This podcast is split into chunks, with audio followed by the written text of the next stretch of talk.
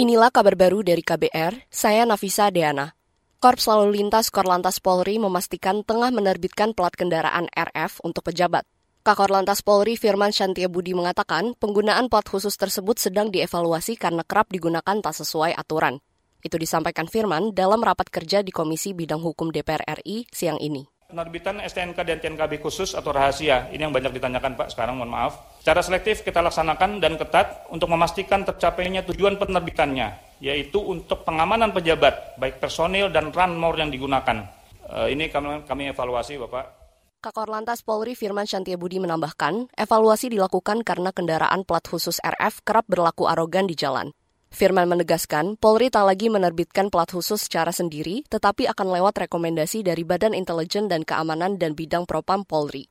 Dia memastikan plat RF sama untuk semua masyarakat yang menggunakan kendaraan di jalan. Kita ke informasi lain, Saudara. LSM Pemerhati Tembakau, Indonesian Youth Council Tactical Changes IECTC, menilai rancangan Undang-Undang RUU Kesehatan yang mengatur aturan rokok belum ramah terhadap prinsip HAM. Anggota IICTC Manik Margana Mahendra mengatakan, salah satu isi RUU tersebut masih mewajibkan institusi atau lembaga menyediakan ruang khusus merokok.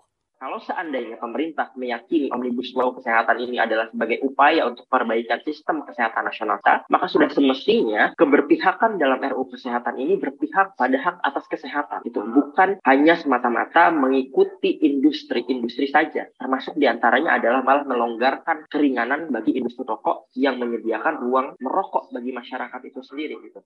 Anggota IECTC Manik Margana Mahendra menambahkan ruang khusus merokok berpotensi menambah risiko penyakit bagi perokok aktif dan pasif. Selain itu, RUU Kesehatan juga dianggap masih melonggarkan aturan iklan rokok di ruang publik. Sebelumnya RUU Kesehatan terus menuai pro dan kontra.